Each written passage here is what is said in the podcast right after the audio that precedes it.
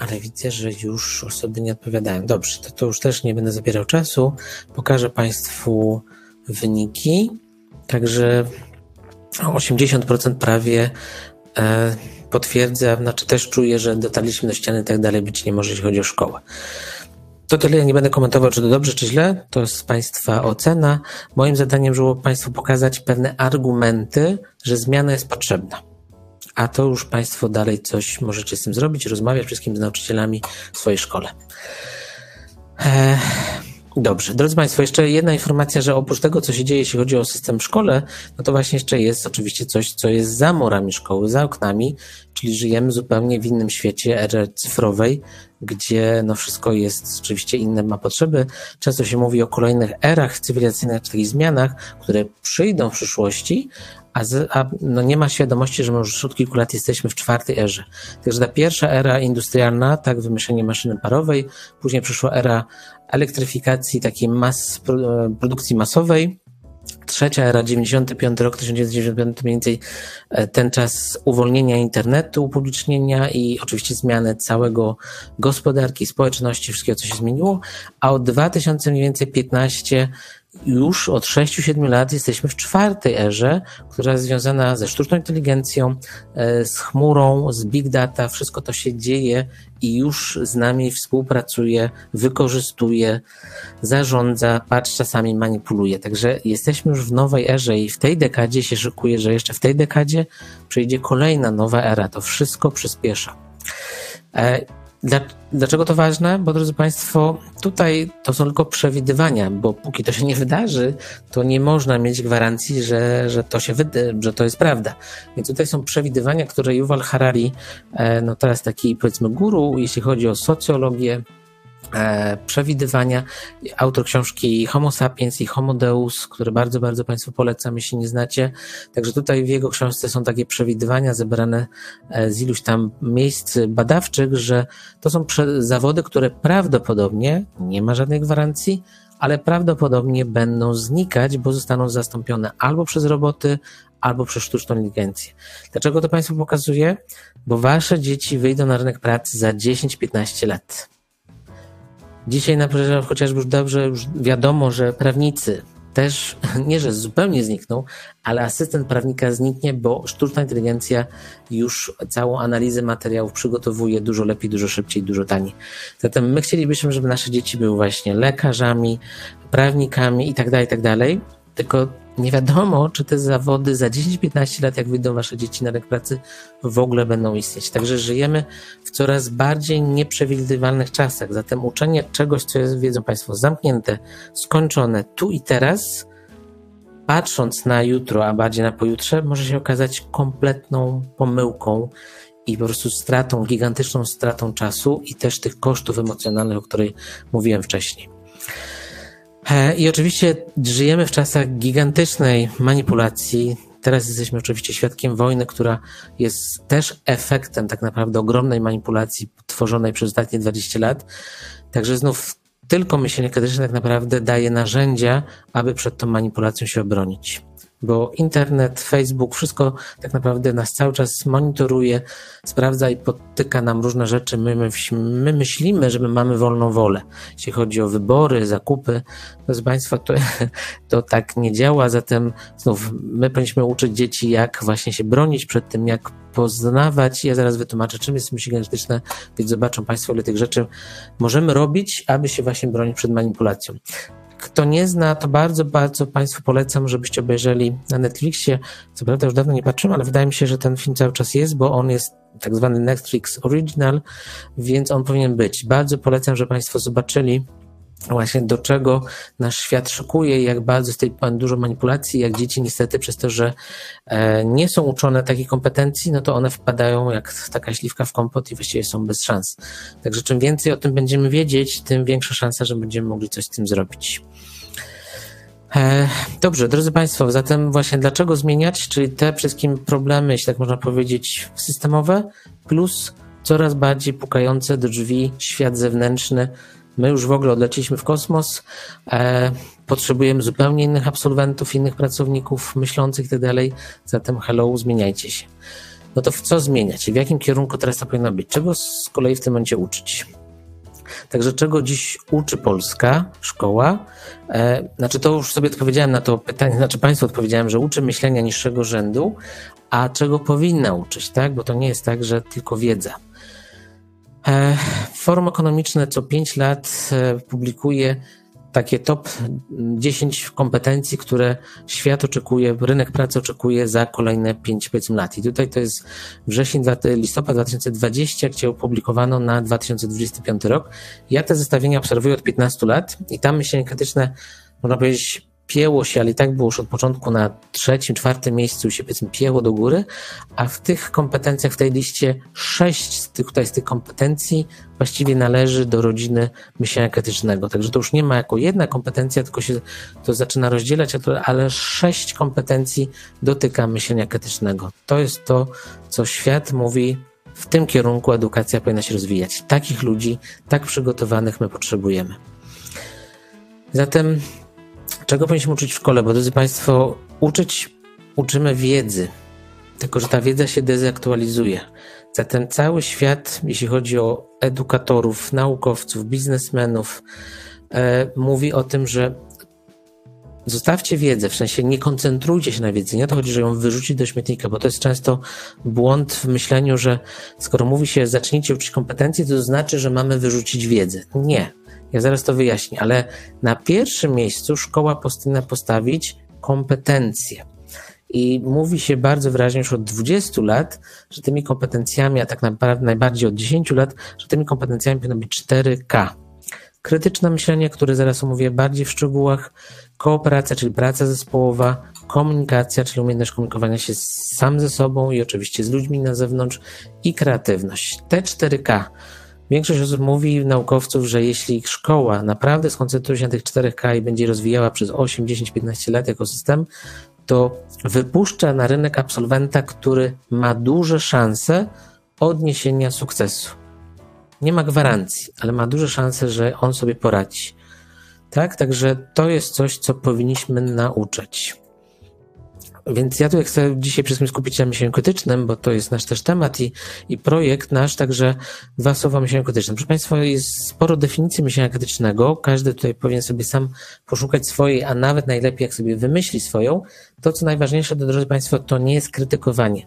Tu jest zbieżność, pewna podobne tylko słownictwo, ale tutaj myślenie krytyczne, takie critical, to pochodzi od, znaczy krytyczne chodzi od słowa kritikos, greckie, czyli poddanie pewnej ewaluacji jakiejś informacji.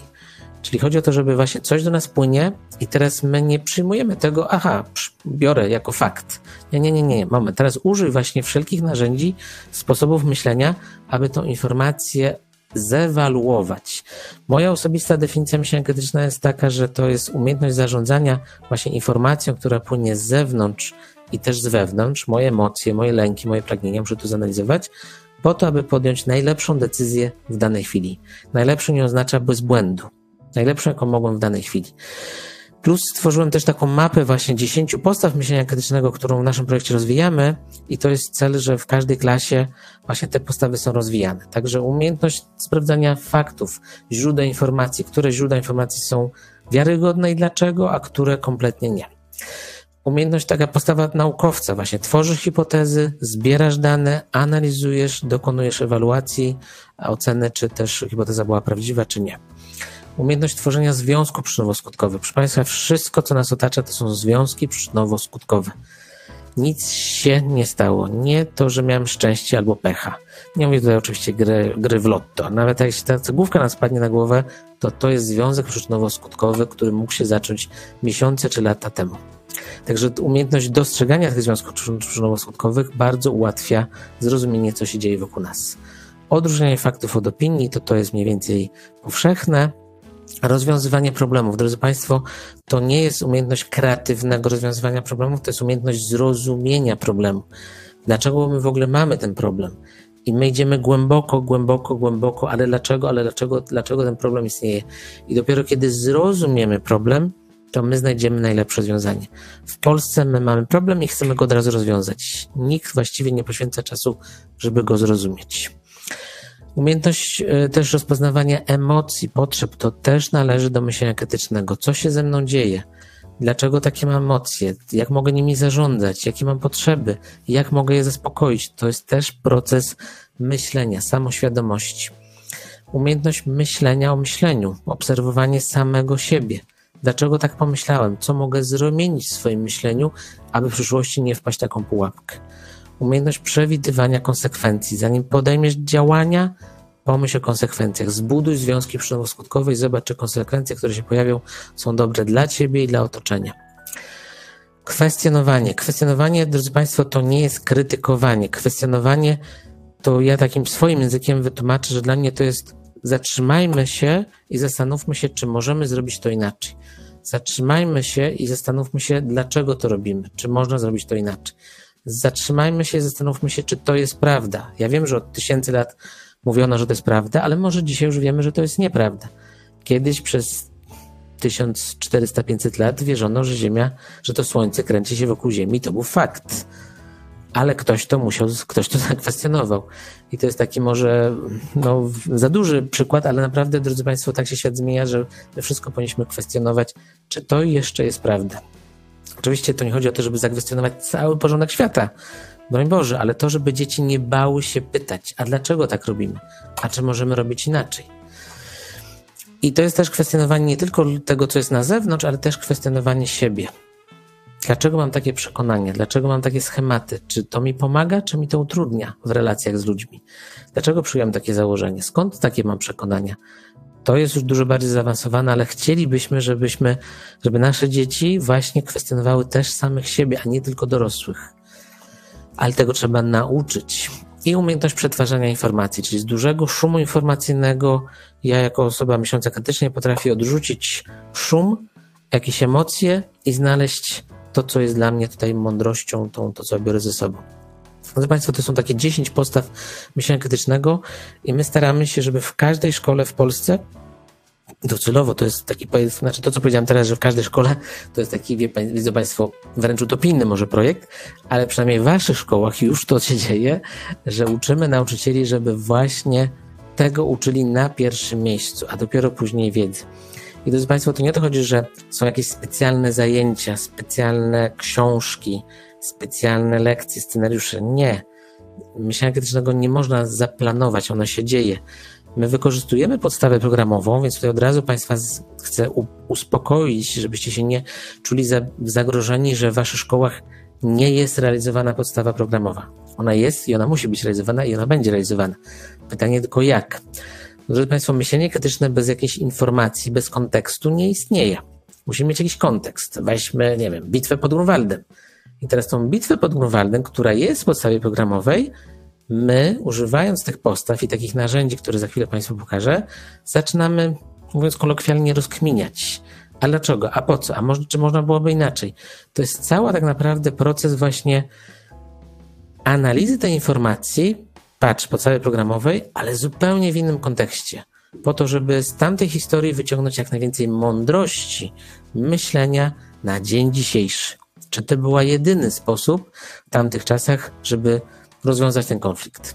Może jedyny, ale czy teraz ja mam też wchodzić tylko i wyłącznie w formie konfrontacji, bitwy, wojny, czy może czegoś innego?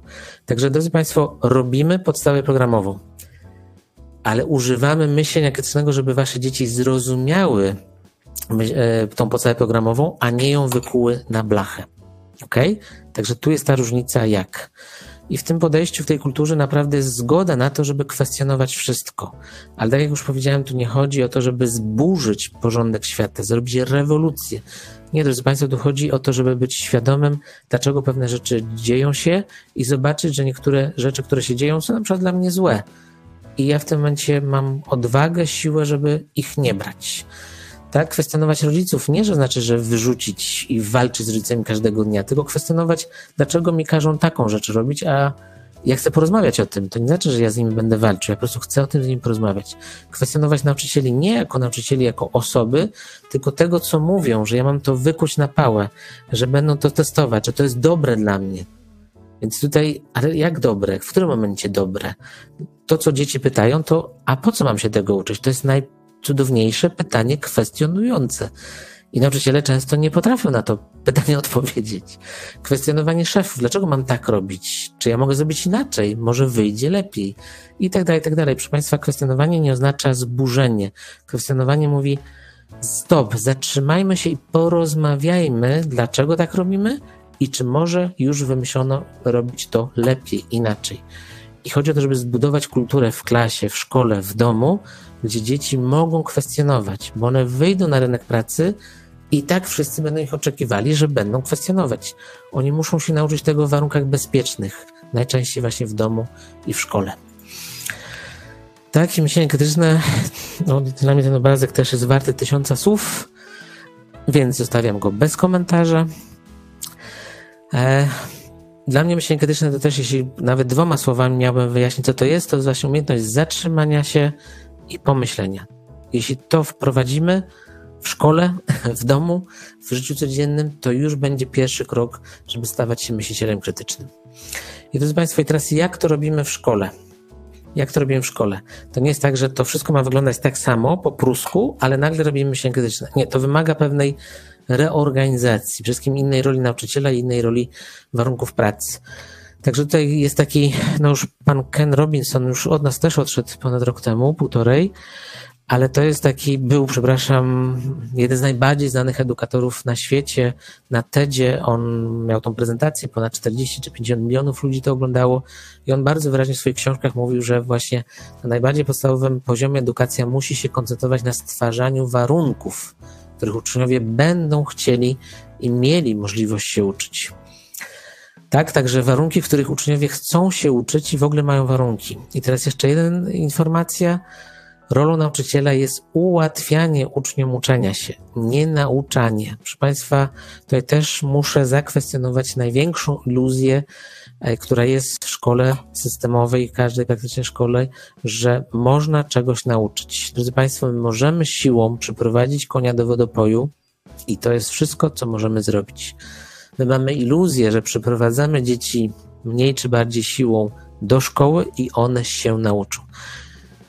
Proszę Państwa, przepraszam, że się śmieję, ale to jest naprawdę no, absurdalny pomysł, że my wierzymy, że coś takiego się dzieje. Skoro dziecko przyszło do szkoły, to znaczy, że się będzie uczyło. Nie, póki nie będzie się chciało uczyć, to się niczego nie nauczy. I teraz rola nauczyciela jest właśnie wycofać się. I to jest zdjęcie z naszej szkoły i ono jest też, no, pokazuje ten proces. Co nauczyciel robi? Jest przy dzieciach. On nie zniknął. On nie jest tak. My nie mówimy w życiu, że nauczyciel jest teraz niepotrzebny, bo dzieci będą uczyły się myślenia krytycznego i same się wszystkiego nauczą. Broń Boże. Absolutnie broń Boże. Rola nauczyciela jest dawać ciekawy projekt, zainspirować, zaintrygować, pozwolić im pracować w zespole, dać im narzędzia krytycznego myślenia, dać im problem, który jest trudny, jest wyzwaniem. Dzieci lubią się uczyć, lubią wyzwania, które są możliwe do osiągnięcia. Jeśli zadanie jest trudne, nasza motywacja spada do zera. Jeśli zadanie jest za łatwe, nasza motywacja w ogóle nigdy nie poszła do góry. Zatem rolą nauczyciela jest cały czas obserwować i dawać dzieciom coś, co będzie odrobinę poza ich komfortem, komfortem rozwojowym. Także tego nie wiem, ale wiem, że się tego mogę sam dowiedzieć, nauczyć. I nawet nie sam, bo wszystkim pracy zespołowej. To jest ta nowa szkoła, to są te warunki, których uczniowie będą mogli w ogóle pierwszy raz się uczyć, bo jeśli nauczyciel gada przez 43 minuty, drodzy Państwo, to czy można tu się czegoś nauczyć? Nie ma przestrzeni nie ma przestrzeni, żeby uczniowie mogli coś zacząć działać, myśleć, zacząć robić. Tutaj już nie będę tego tłumaczył, ale drodzy Państwo, w takiej kulturze naturalnie rozwijają się pewne postawy, bo myślenie krytyczne zmusza nas do pokory, przede wszystkim pokory, e, do takiej otwartości, do bycia uczciwym, szczerym, bo za chwilę to kłamstwo wyjdzie, jak zaczniemy analizować to, tak, do pewnej wytrwałości, determinacji, skupieniu, tu są pewne postawy, które się robią, one się zrobią u Państwa w szkołach, nie że oczywiście w ciągu jednego dnia, tygodnia, czy nawet jednego roku. To jest proces, który zajmie lata. Ale ja Państwu gwarantuję, jeśli dzieci w Waszych szkołach będą rozwijały się w obszarze myślenia krytycznego, to te postawy będziecie widzieć, jak oni zaczynają być właśnie coraz bardziej ułożeni, coraz bardziej rozsądni, coraz bardziej myślący.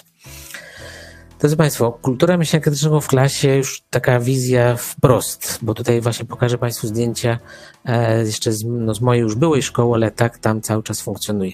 To jest kultura, w której się tworzy zupełnie nowe reguły funkcjonowania. Tak, gdzie nauczyciel jest bardzo blisko uczniów, jest ich partnerem, przewodnikiem, coachem, ale też, żeby Państwo się tutaj nie bawiali, nie jest ich kumplem.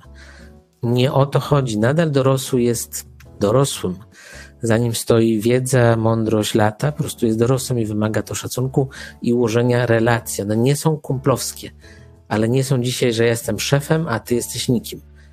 Ja jestem twoim partnerem, twoim przewodnikiem i w tym momencie czujesz, ty się czujesz bezpiecznie jako uczeń i ja też się uczę od ciebie dużo więcej, bo przyglądam się tobie. To jest zupełnie nowa reguła. Nauczyciel jest właśnie wspierający. Tworzy inną relację, inną relację między nauczycielem a uczniami, i też między uczniami. Tak, to bardzo często w tej kulturze tak nauczyciel organizuje pracę klasy, że to uczniowie uczą się nawzajem od siebie. To są zupełnie inne relacje. W takich klasach jest bardzo duża integracja, bo ci uczniowie bardzo często pierwszy raz ze sobą tak dużo rozmawiają. Można powiedzieć teoretycznie wszystkim o sprawach szkolnych, ale to też ułatwia oczywiście później już na przerwie czy gdzieś indziej rozmowy inaczej, ale wszystkim oni się poznają to są warunki, że oni mogą zacząć pracować zespołowo i ze sobą się integrować. Inne pytania, niezamknięte, niesprawdzające, niekontrolne, czy potrafisz.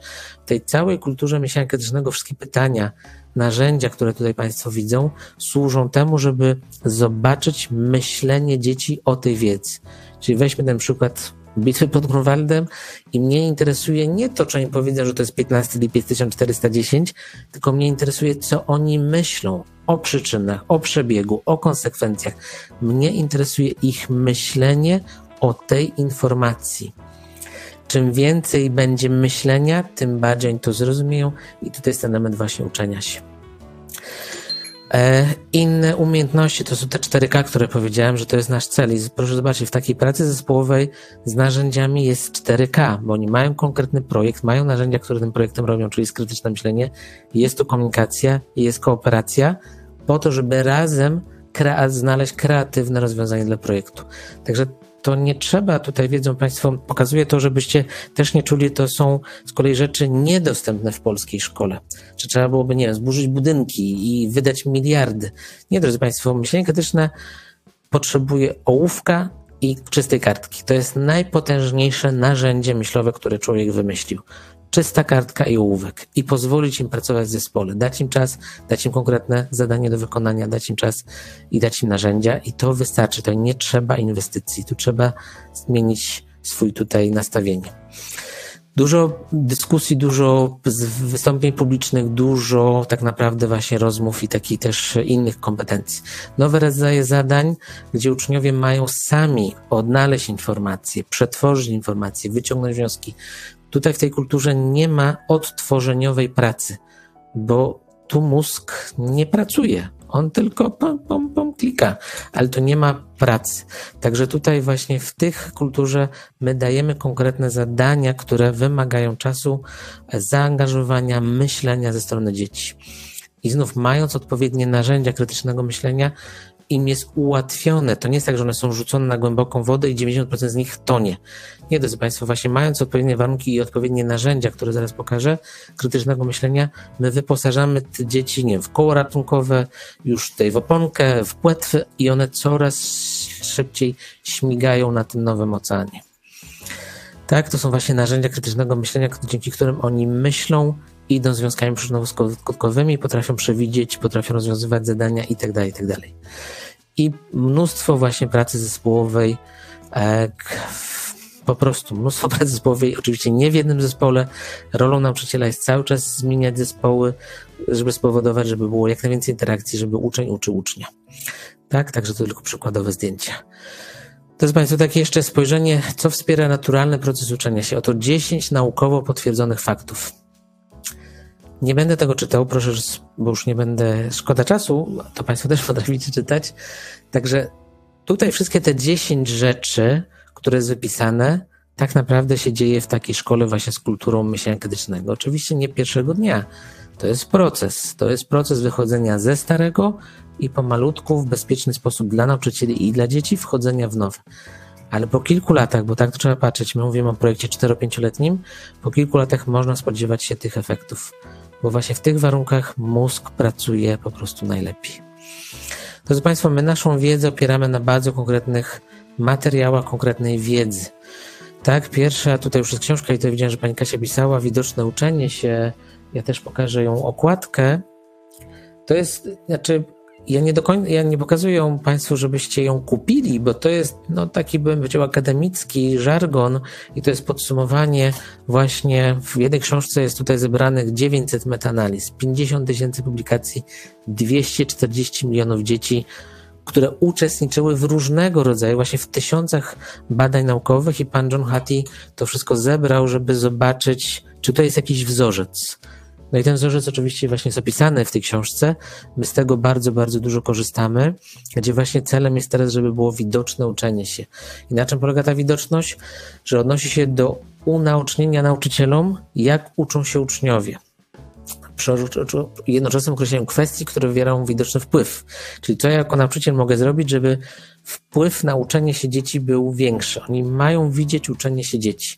Z kolei te widoczne uczenie się też do, odnosi się do uczniów, żeby oni zobaczyli, fizycznie zobaczyli, nie tylko pomyśleli, zobaczyli, e, co stanowi ich fundament uczenia się, tak? Jak oni się, jak oni się uczą i tą wiedzę, jak ja się uczę, cały czas nad tym pracować, samoświadomość mi rośnie, poczucie własnej wartości, poczucie sprawczości, to jest coś, co jest nam niezbędne, po to, że jak dzieci wyjdą do naszej już jako absolwenci na rynek pracy, to będą w stanie się uczyć nowych rzeczy bardzo szybko.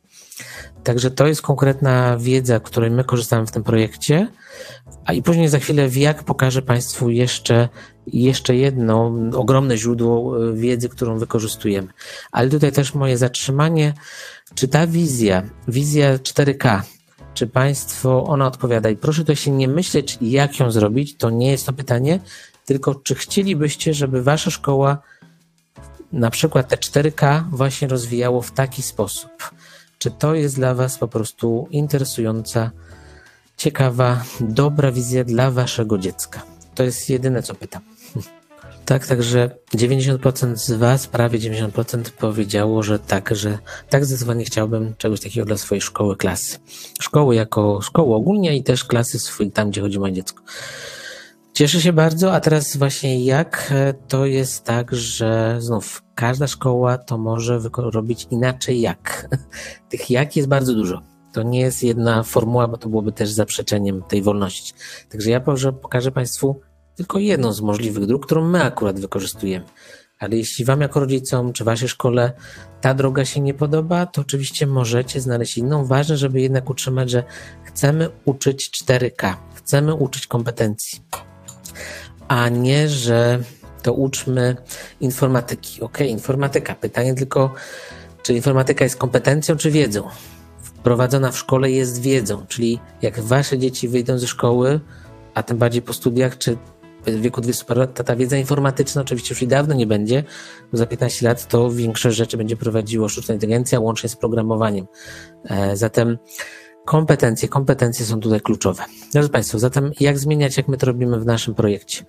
My tutaj wychodzimy do nauczycieli właśnie z tą informacją, że muszą zmienić swoją rolę, czyli przestać nauczać i umiejętnie, spokojnie, cierpliwie przez lata, bo to, to zajmie lata, przenosić odpowiedzialność za proces uczenia się na barki ucznia. Czyli tutaj zapraszamy Was do wodopoju, i my wam pokażemy, że ta woda w tym wodopoju jest dobra, że możecie pić ile chcecie, możecie pić kiedy chcecie, jak chcecie, a my wam cały czas będziemy was wspierać. I wtedy jest duża szansa, że się te dzieci z przyjemnością zaczną pić tą wodę, o którą nam chodzi, żeby właśnie zaczęły się uczyć dla siebie. Nie dla rodziców, nie dla nauczycieli, dla siebie. Jak to robimy? No między innymi właśnie odchodzimy tak wręcz fizycznie od tego modelu, że jest nauczyciel w tych rzędach z uczniami, gdzie nauczyciel właśnie te interakcje ma jeden do jednego, przepytuje, kontroluje, ocenia. Przechodzimy do modelu, który mówi świat, że ten model jest skuteczny. Nauczyciel jest w centrum, ale nie ze względu na to, że jest najważniejszy, tylko po prostu ze względów logistycznych. Jak widzicie, wszędzie mu najbliżej, czyli jest dostępny, wspiera, towarzyszy dzieciom. On nie znika, że dzieci mogą się czuć zagrożone. Broń Boże, on cały czas jest bardzo blisko nich, ale jak widzicie, proces edukacyjny odbywa się między nimi. to uczeń uczy ucznia. I teraz rola nauczyciela, i on się tego uczy przez lata, jest, bo to jest, nie jest tak, nie zmienimy jednego modelu w drugi w ciągu jednego tygodnia, to jest lata, ale on się właśnie od nas uczy, czy od innych organizacji, innych książek, jak być takim właśnie przewodnikiem, moderatorem, a nie nauczać, bo to nie działa. Tylko ja się wycofuję, ja nie gadam, ale daję zadania, stworzę warunki, zmieniam grupy, daję im inne narzędzia krytycznego myślenia, ciągle szukam, jak zrobić lepiej, jak zrobić lepiej, jak zrobić lepiej. I z nowym e, modelu właśnie uczeń jest w centrum. I tu jest nieskończona ilość interakcji, dzięki którym się uczą. To uczeń uczy ucznia i biorą za to odpowiedzialność. Naprawdę to się dzieje. Pytania, które daje nauczyciel, a później zobaczycie, że dzieci same będą pytać, bo się nie będą bały tych pytań. To jest początek ogromnej ilości dyskusji. Struktura płaska, czyli tutaj nie ma nauczyciela, który jest szefem, wiecie, no czasami dość brutalnym szefem, funkcyjnym, tylko tu wszyscy jesteśmy równi. Nauczyciel staje się też przewodnikiem, ale też uczestnikiem tej podróży. Często nauczyciele, którzy z nami pracują, mówią, ja tylko przygotowuję lekcję, ale ja nigdy nie wiem, jak ona pójdzie. Ja, ja i nadążam za dziećmi, ja się uczę od nich. I to jest ta struktura płaska. Kultura właśnie kwestionowania po to, żeby tworzyć wspólnie coś nowego. Bardzo ważne bezpieczeństwo emocjonalne. Zaraz wytłumaczę dlaczego. Znaczy, jak to się dzieje, że w tych klasach jest bardzo bezpiecznie. A autorytet nauczyciela jest właśnie przez jako przewodnika, moderatora, człowieka, który dostrzega każde dziecko, zadaje fajne pytania, pogłębia, intryguje, zaciekawia itd. Tak itd. E, także tak to wygląda i to się dzieje nie tylko w szkole, tutaj powiedzmy mojej byłej szkole, tylko to się dzieje już w większości szkół u was, no bo jest około 100 szkół, te, które zaczęły miesiąc temu czy trzy, no to jeszcze wiadomo, to tak to nie działa, ale te, które są już z nami prawie dwa lata, to już poszczególnych nauczycieli tak to dokładnie wygląda. I teraz bardzo właśnie ważna ta zmiana. Pamiętacie Państwo te po, wcześniejszy paradygmat, tak go nazwę, pruski paradygmat, że uczenie jest wynikiem zapamiętania. Proszę Państwa, wszystkie badania naukowe i właśnie wszystkie urządzenia naukowe, które mamy teraz, żeby nas zeskanować, analizować i tak dalej, mówią, że uczenie się jest wynikiem myślenia. I to zmienia wszystko. Bo zamiast moja rola jako nauczyciela naucz, zapamiętaj, odtwórz, zmienia się w kierunku to trzeba dać im narzędzi, które spowodują, że oni będą myśleć na lekcji i będzie im łatwiej, no powiedzmy, czuć się bezpieczniej, żeby jak najwięcej myślał. Ale kluczowe moja jako rola nauczyciela jest, żeby uczniowie doświadczali, aby jak najwięcej przetwarzał, analizował, reflektował, zadawał pytania, słowem myślał. Informacja, czyli tutaj podstawa programowa, nie jest celem samym w sobie jej realizacja, ona jest tylko kontekstem. I teraz nie ilość tej informacji jak najwięcej, tylko jakość tej informacji, czyli wszelkie tam, gdzie są lekcje, które są, wiecie, nie czarno-białe, gdzie można to zakwestionować, podyskutować. Czym więcej właśnie lekcji matematyka czy przedmioty przyrodnicze, teoretycznie są zamknięte, i związki przyczynowo-skutkowe, to tam też jest mnóstwo przestrzeni na dyskusję, na zakwestionowanie, na poszukiwanie zrozumienia. Rolą nauczyciela jest właśnie otworzyć to, a nie zamykać. To jest tylko jeden sposób, jedno rozwiązanie. Także nową rolą nauczyciela jest koncentracja na procesie, czyli ja ciągle przyglądam się swojej klasie. Jak mam zrobić, żeby oni myśleli jeszcze więcej, a nie na treści, czyli jak mam zrobić, żeby się nauczyli, patrz, zapamiętali jak najwięcej to jest właśnie ciągle poszukiwanie, jak warunki myślenia mam stworzyć jeszcze lepsze. I to naturalnie powoduje, że podejście do dzieci jest takie no, podmiotowe, tak? To jest mój partner, to jesteśmy tutaj równi w godności, jest dużo szacunku, uznania i troski. Także to jest ten nowy paradygmat, e, o który prosi świat i że w tym kierunku szkoła powinna iść. I tutaj teraz nawiążę właśnie do jeszcze wiedzy, z której korzystamy, visible thinking, nie tylko learning, ale thinking, czyli właśnie są narzędzia i teraz koncentracja nauczyciela, żeby powinni dążyć do tego, aby widzieć myślenie uczniów. Ja chcę widzieć, co im siedzi w głowie. I proszę Państwa, są narzędzia, dzięki którym uczniowie mogą pokazać swoje myślenie i to jest zdjęcie też ze szkoły Thinking Zone, gdzie właśnie te narzędzia są już wypełnione. To jest najpierw ogólnie czysta kartka, która jest podzielona czasami na kolumny, na kategorie. To są po prostu myśl, rutyny myślenia krytycznego, które stworzył Project Zero, który jest takim wydziałem, który jest z Harvardu. Czyli tutaj mówimy o wiedzy, można powiedzieć, z absolutnie top, top. To nie jest ktoś gdzieś coś mówił, że to działa, tylko Harvard. No tutaj chyba nie muszę tłumaczyć i reklamować. Także Harvard 50 lat temu stworzył Wydział Project Zero, i oni od 50 lat zajmują się tylko i wyłącznie myśleniem w szkole. I 15 lat temu wymyślili te narzędzia, takie właśnie rutyny myślowe, które badali, przebadali i w tej chwili tysiące szkół na świecie tych narzędzi używa, żeby właśnie stworzyć, żeby pobudzić, zachęcić, dać narzędzia, żeby dzieci myślały. I tu jest znów zdjęcie. Tak to są najczęściej grafy, organizery, tabele, wszelkie narzędzia, ale one muszą być wizualne. Tutaj dzieci muszą je narysować, napisać. Tu chodzi o to, żeby wyprodukować i pokazują swoje myślenie. To nie jest odtworzenie wiedzy jeden do jednego. Tutaj w tych narzędziach one mają często pytania w stylu, co o tym myślisz, co cię zastanawia, co byś chciał wiedzieć więcej. One nie mają tutaj pytań zero-jedynkowych, tylko właśnie pobudzających do myślenia. I teraz bardzo ważna informacja dla Państwa, jakie są cechy tych rutyn. Tam nie ma jednej prawidłowej odpowiedzi.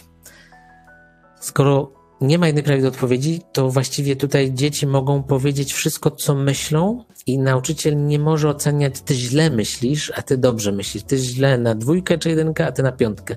Nie ma w ogóle już takiej opcji. W tej klasie to się zmienia. Nauczyciel nie ocenia myślenia dzieci. I one o tym wiedzą i czują się coraz bardziej bezpiecznie. Tyle dzieci w klasie, tyle prawidłowych odpowiedzi. Idealne dla ekstrawertyków, ale też dla introwertyków, bo bardzo często na powiedz coś głośno, to no, dzieci tak introwertyczne się w życiu nie wypowiedzą. Tutaj mają czystą kartkę, długopis, mają 2-3 minuty i mogą swoje myślenie pokazać. Doskonałe dla dzieci w normie, dla tych, które wymagają wsparcia i dla uzdolnionych. Każdy pokazuje swoje myślenie. Już nie ma, że dzieci uzdolnione się nudzą, a dzieci słabsze zostają w tyle. Każdy pokazuje swoje myślenie. Każdy ma czystą kartkę, pokazuje swoje myślenie. Nauczyciel, żeby Państwo się czuli bezpiecznie, nie może oceniać tych interpretacji, tych e, wniosków dzieci, w sensie ocenia, daje informację zwrotną. Bardzo mnie zaskakuje Twoje myślenie, skąd ci to wzięło, pokaż mi swoje argumenty, ale nie ocenia Twoje jest na dwójkę, Twoje jest na piątkę. Także te narzędzia pomagają dzieciom zatrzymać się i zreflektować na tematy związane z lekcją, z podstawą programową. Cały czas siedzimy w podstawie programowej. Nawet możemy robić podręczniki. Tą wiedzę, którą z podręczników mamy, tylko zamiast ją wlewać, można być od razu do głowy, mówimy stop. Zacznijmy analizować te informacje z podręcznika właśnie poprzez te rutyny. I zdecydowanie wasze dzieci nauczą się, zrozumieją, będą myślały właśnie o tej informacji i wtedy sobie inaczej ją w głowie poukładają. Tak, także to są z kolei narzędzia myślowe TOC, o których mówiłem i jeszcze mapy rozwiązywania problemów to jest do matematyki. No my jesteśmy jedyną organizacją w Polsce, która tych narzędzi ma około 80. I my z, przez 4 lata projektu właśnie przenosimy rok po roku coraz więcej tych narzędzi do szkoły. To nie jest tak, że szkoła dostaje 80, bo by się absolutnie utopiła, a tym bardziej wasze dzieci. Więc to ja zaraz pokażę. Co roku 10-11 narzędzi jest przekazywanych do szkoły. Tak, i szkoła staje się wtedy miejscem że dużo się dzieje. To na początku może się dla nauczycieli i rodziców wydawać, że to jest chaos, ale ja zawsze mówię, popatrz przez 5 sekund, czy oni hałasują, krzyczą i łobuzują, czy oni myślą. I to po pięciu sekundach widać, jak dzieci siedzą, znaczy nie może nie siedzą, robią wiele rzeczy, ale na pewno łączy ich to, że one wszystkie myślą. Także naszym celem, drodzy Państwo, jest nie to, że odejść od tych niższych funkcji myślowych, one muszą być zrealizowane w trakcie lekcji, że musimy przejść szybko ten etap, tylko chodzi o to, żeby przejść ten etap jak najszybciej, aby całą lekcję, czy tam 35 minut z 45, poświęcić na właśnie rozwój myślenia wyższego rzędu. I tymi narzędziami gwarantuję Państwu, że to jest właśnie fizycznie, czasowo bardzo możliwe, to się staje wręcz automatycznie realizowane. Także bardzo szybko przechodzimy przez ten etap 5-10 minut, a 35 minut ma być właśnie przygoda, ma być kwestionowanie, ma być tworzenie zupełnie nowej wiedzy. I dzięki tym narzędziom jest to po prostu osiągane dla każdego dziecka, dla każdego. Zobaczcie, to jest cel właśnie myślenia. Ja jako nauczyciel planując lekcje nie mam, już nie planuję czego się patrz oni nauczą, czyli patrz odtworzą jeden do jednego. Moim celem, gdy planuję lekcję, co ja mam zrobić, żeby moje dzieci dzisiaj czy jutro na mojej lekcji myślały. I jeśli jest taka mina, to cel został zrealizowany. I drodzy Państwo, nie o to chodzi, żeby zawsze padła odpowiedź. Proces poszukiwania odpowiedzi, proces poszukiwania informacji, żeby znaleźć odpowiedzią, jest tutaj ważniejszy niż sama odpowiedź.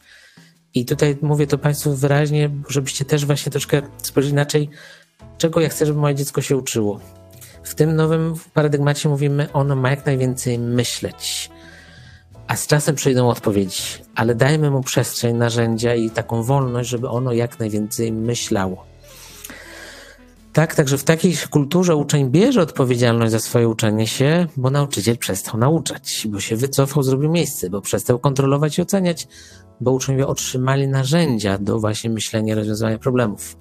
Bo nauczyciel stworzył przestrzeń do pracy zespołowej, komunikacji, dużo możemy ze sobą gadać, uczyć się od siebie.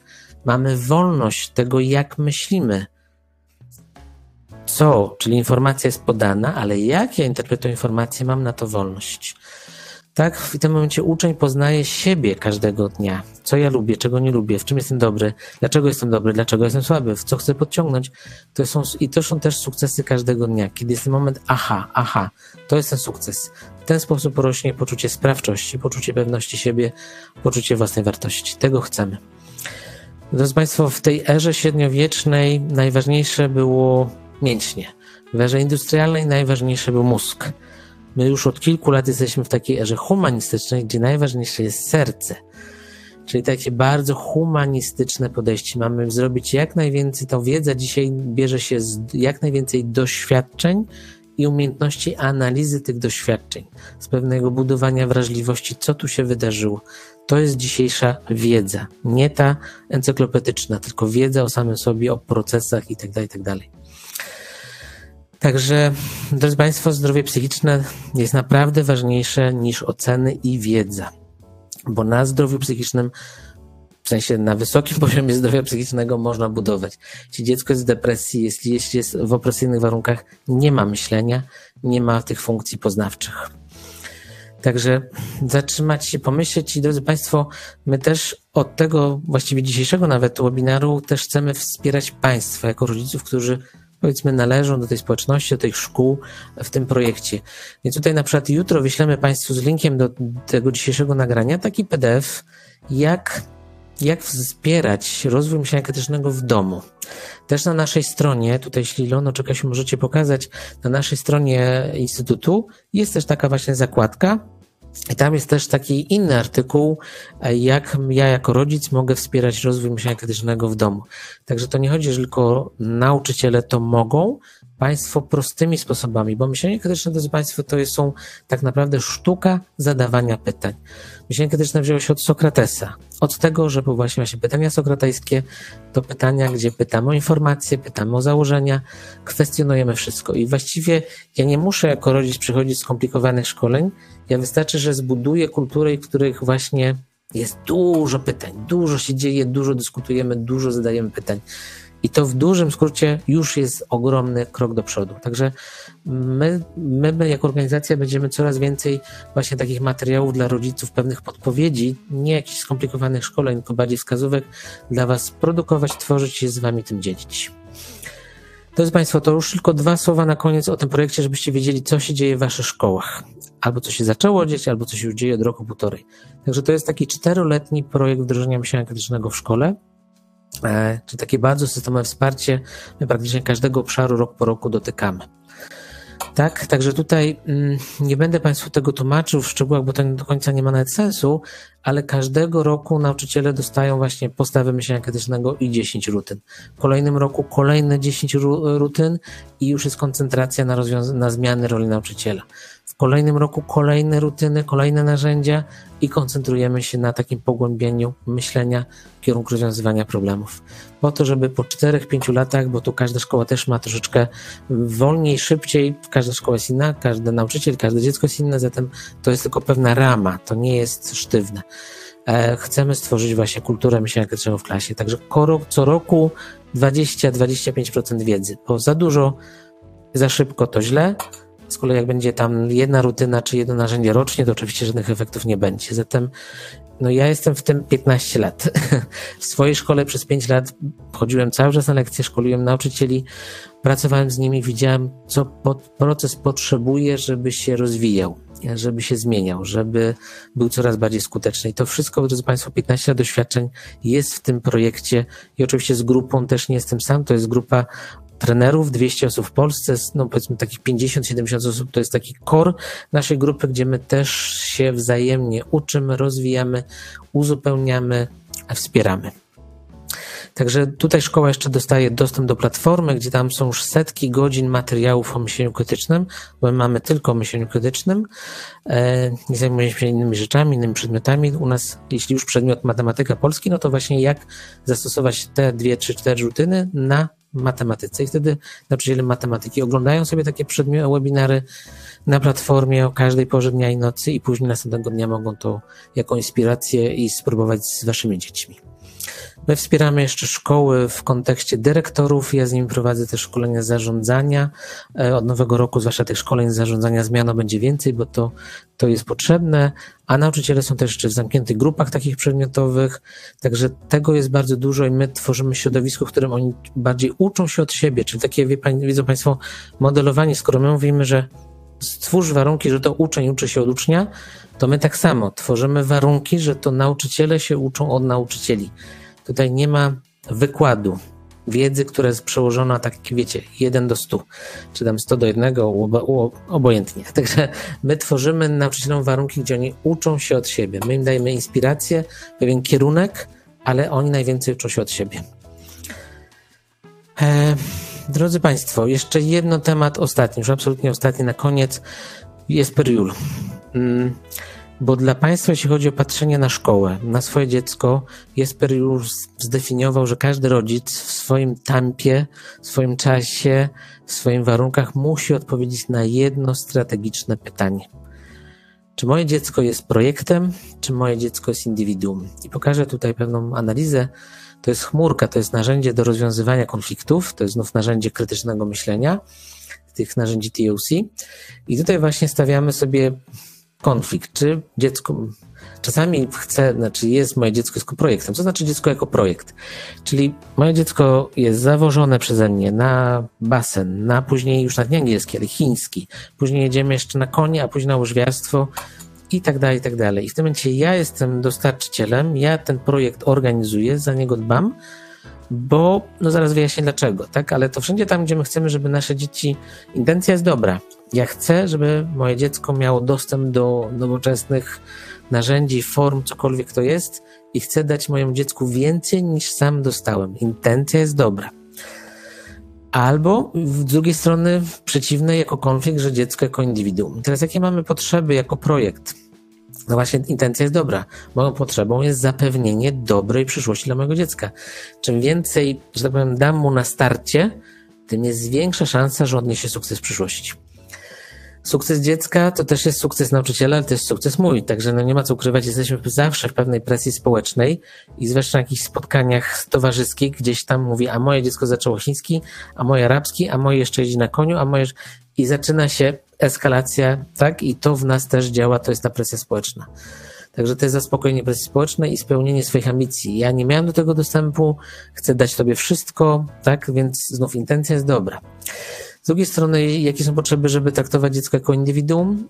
Uszanowanie wyborów dziecka. Dać mu wolność, autonomię, bo to jest inny byt, to jest inny człowiek. Ona jest tylko z nami przez 18 lat. My nie jesteśmy właścicielem dziecka, My jesteśmy tylko odpowiedzialni za to, żeby go przygotować do dorosłego życia. Więc oddanie jak najszybciej odpowiedzialności dziecku za jego edukację, za jego zainteresowanie i tak i uszanowanie jego integralności i tak dalej, i tak. Także drodzy Państwo, za każdym razem, jeśli będziecie chcieli, żeby szkoła Wam dała więcej zadań domowych, więcej lekcji, więcej ocen, to pytanie musicie sobie sami postawić, czy ja wychodzę z pozycji rodzica, który traktuje swoje dziecko jako projekt, czy w takich żądaniach wychodzę jako rodzic, który traktuje dziecko jako indywiduum. Nie oceniam, tylko chodzi, drodzy Państwo, że tak naprawdę my ciągle jako rodzice, sam to przeżywałem, tak naprawdę jesteśmy w tym rozkroku, nie wiedząc o tym konflikcie, więc Jesper Juhl ten konflikt zdefiniował i w tym momencie, kiedy sobie uświadomimy ten konflikt, no to łatwiej podejmować decyzje. Łatwiej podejmować decyzje i chcę dzisiaj właśnie Państwa zakończyć to spotkanie, żeby właśnie Wy sami sobie odpowiadajcie czy traktujecie dziecko jako projekt, czy jako indywiduum. To nie jest kategoria źle, dobrze. Intencja jest dobra. Oczywiście koszty emocjonalne dla dziecka, kiedy jest cały czas traktowany jako projekt, będą słabe. Tutaj też pokażę Państwu właśnie negatywne konsekwencje. Jeśli traktuje swojego dziecka jako projekt, to ma wypełniać moje oczekiwania, moje ambicje. To będzie robił to, ale bez wiary, bez serca, motywacji, bo to robi to dla rodzica. Nie będzie aż takich oczekiwanych efektów, także frustracja, toksyczna relacja, najczęściej jakaś forma ucieczki dziecka. Tutaj tak naprawdę rodzic daje pod spodem między wierszami hasło miłość warunkowa. Ja cię kocham, jeśli zrobisz mm, i jakaś tam lista. To jest miłość warunkowa. A wcześniej pokazywałem Państwu, że każde dziecko potrzebuje miłości bezwarunkowej. Zatem znów chcemy dobrze, ale sposób, jak to prezentujemy, tworzymy, może przynieść odwrotne skutki od zamierzonych. Jeśli potraktuje swoje dziecko jako indywiduum, to daje mu prawo samodzielnie decydować, rozwijać się. To poprzez swoje doświadczenie, błędy, które zrobił, no ma szansę poznać siebie. Ma wtedy większą szansę na samodzielność, odpowiedzialność za swoje życie, za swoje wybory. To powoduje, że ma dobre relacje najpierw sam ze sobą, a później też poczucie własnej wartości i dobre relacje ze swoim rodzicem. I to jest ten element właśnie miłości bezwarunkowej. Oczywiście, drodzy Państwo, tutaj kiedy mówię o tym, że daje mu prawo samodzielnie decydować, to nie znaczy, że rodzic ma się całkowicie odsunąć i zniknąć.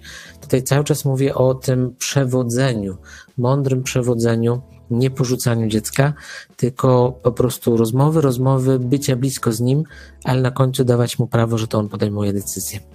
I to dotyczy właśnie całego procesu też edukacyjnego. Drodzy Państwo, to tyle z mojej strony. Jeszcze tutaj, Ilona, poproszę Cię ostatnią ankietę.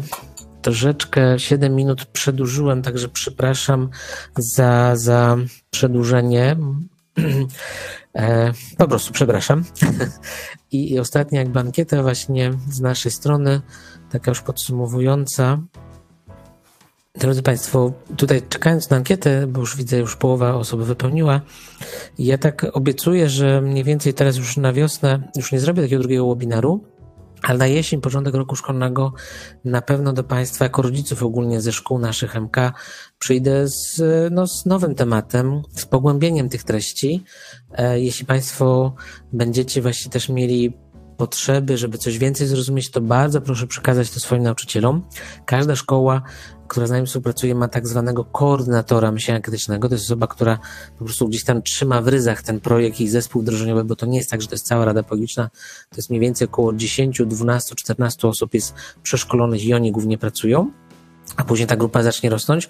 Także możecie Państwo zapytać, kto jest koordynatorem, albo po prostu zwyczajnie swojemu nauczycielowi, swojemu wychowawcy nawet, e, powiedzmy, powiedzieć y, swoje, nie wiem, uwagi, wnioski po dzisiejszym webinarze i też ewentualnie jakie obszary Państwa e, interesują, bo ja się spotykam z koordynatorami co miesiąc.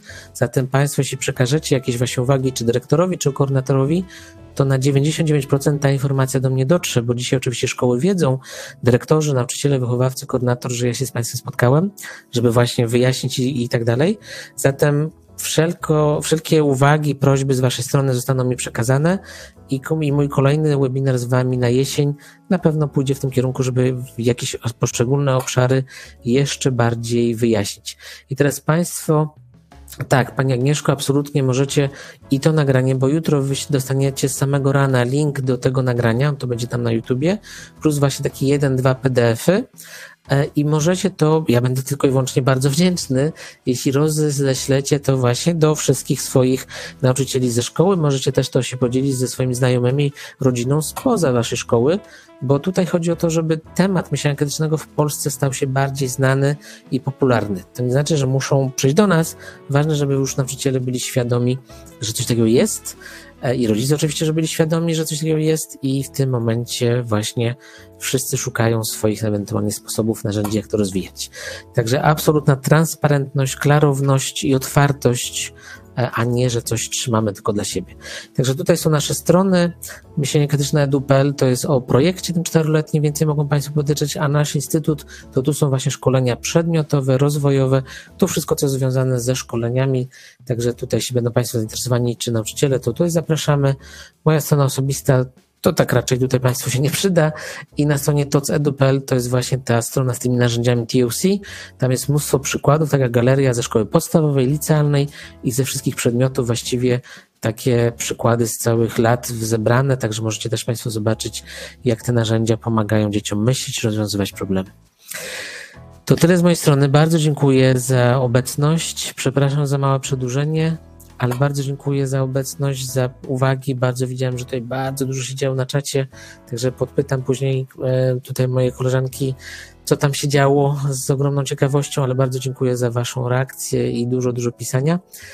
I życzę Państwu oczywiście dobrych szkół, dobrych nauczycieli i to, żeby Państwo też właśnie pożyli na tą edukację troszkę z już no, może nowej perspektywy i więcej rozmawiali z nauczycielami, bo dzisiaj niestety to, co doświadczam, to szkoła narzeka na rodziców, a rodzice szko- narzekają na szkołę, a tak naprawdę to jest nasza odpowiedzialność jako dorosłych. To my powinniśmy usiąść i zacząć rozmawiać i żeby wspólnie właśnie naszym dzieciom, tak to określę, naszym dzieciom dać jak najlepsze warunki do bezpiecznego rozwoju i komfortu psychicznego, co nie znaczy, że lenistwa, po prostu w bezpiecznych warunkach wyzwania. To da się właśnie zrealizować i tego Państwu życzę. Wszystkiego dobrego, dużo sił, dużo zdrowia i w tych, tych też, też ciężkich czasach właśnie dużo też dobrych, fajnych rozmów z dziećmi, żeby one nie czuły się tutaj porzucone. Szkoła córki ruszy z kopyta. Także Pani Aniu, wszelkie takie właśnie uwagi dawać nauczycielom, że Państwo wspieracie, bo tutaj nie, nie na pytanie, co Państwo możecie zrobić. Najważniej, najbardziej pomożecie, jeśli nie będziecie przeszkadzać, e, czyli dlaczego nie ma więcej klasówek, więcej ocen i takiego, wiecie, z trochę starego myślenia. Najwięcej możecie pomóc, jeśli będziecie dawać wsparcie nauczycielom, że wy chcecie, żeby oni tak właśnie pracowali, żeby oni się w tym rozwijali.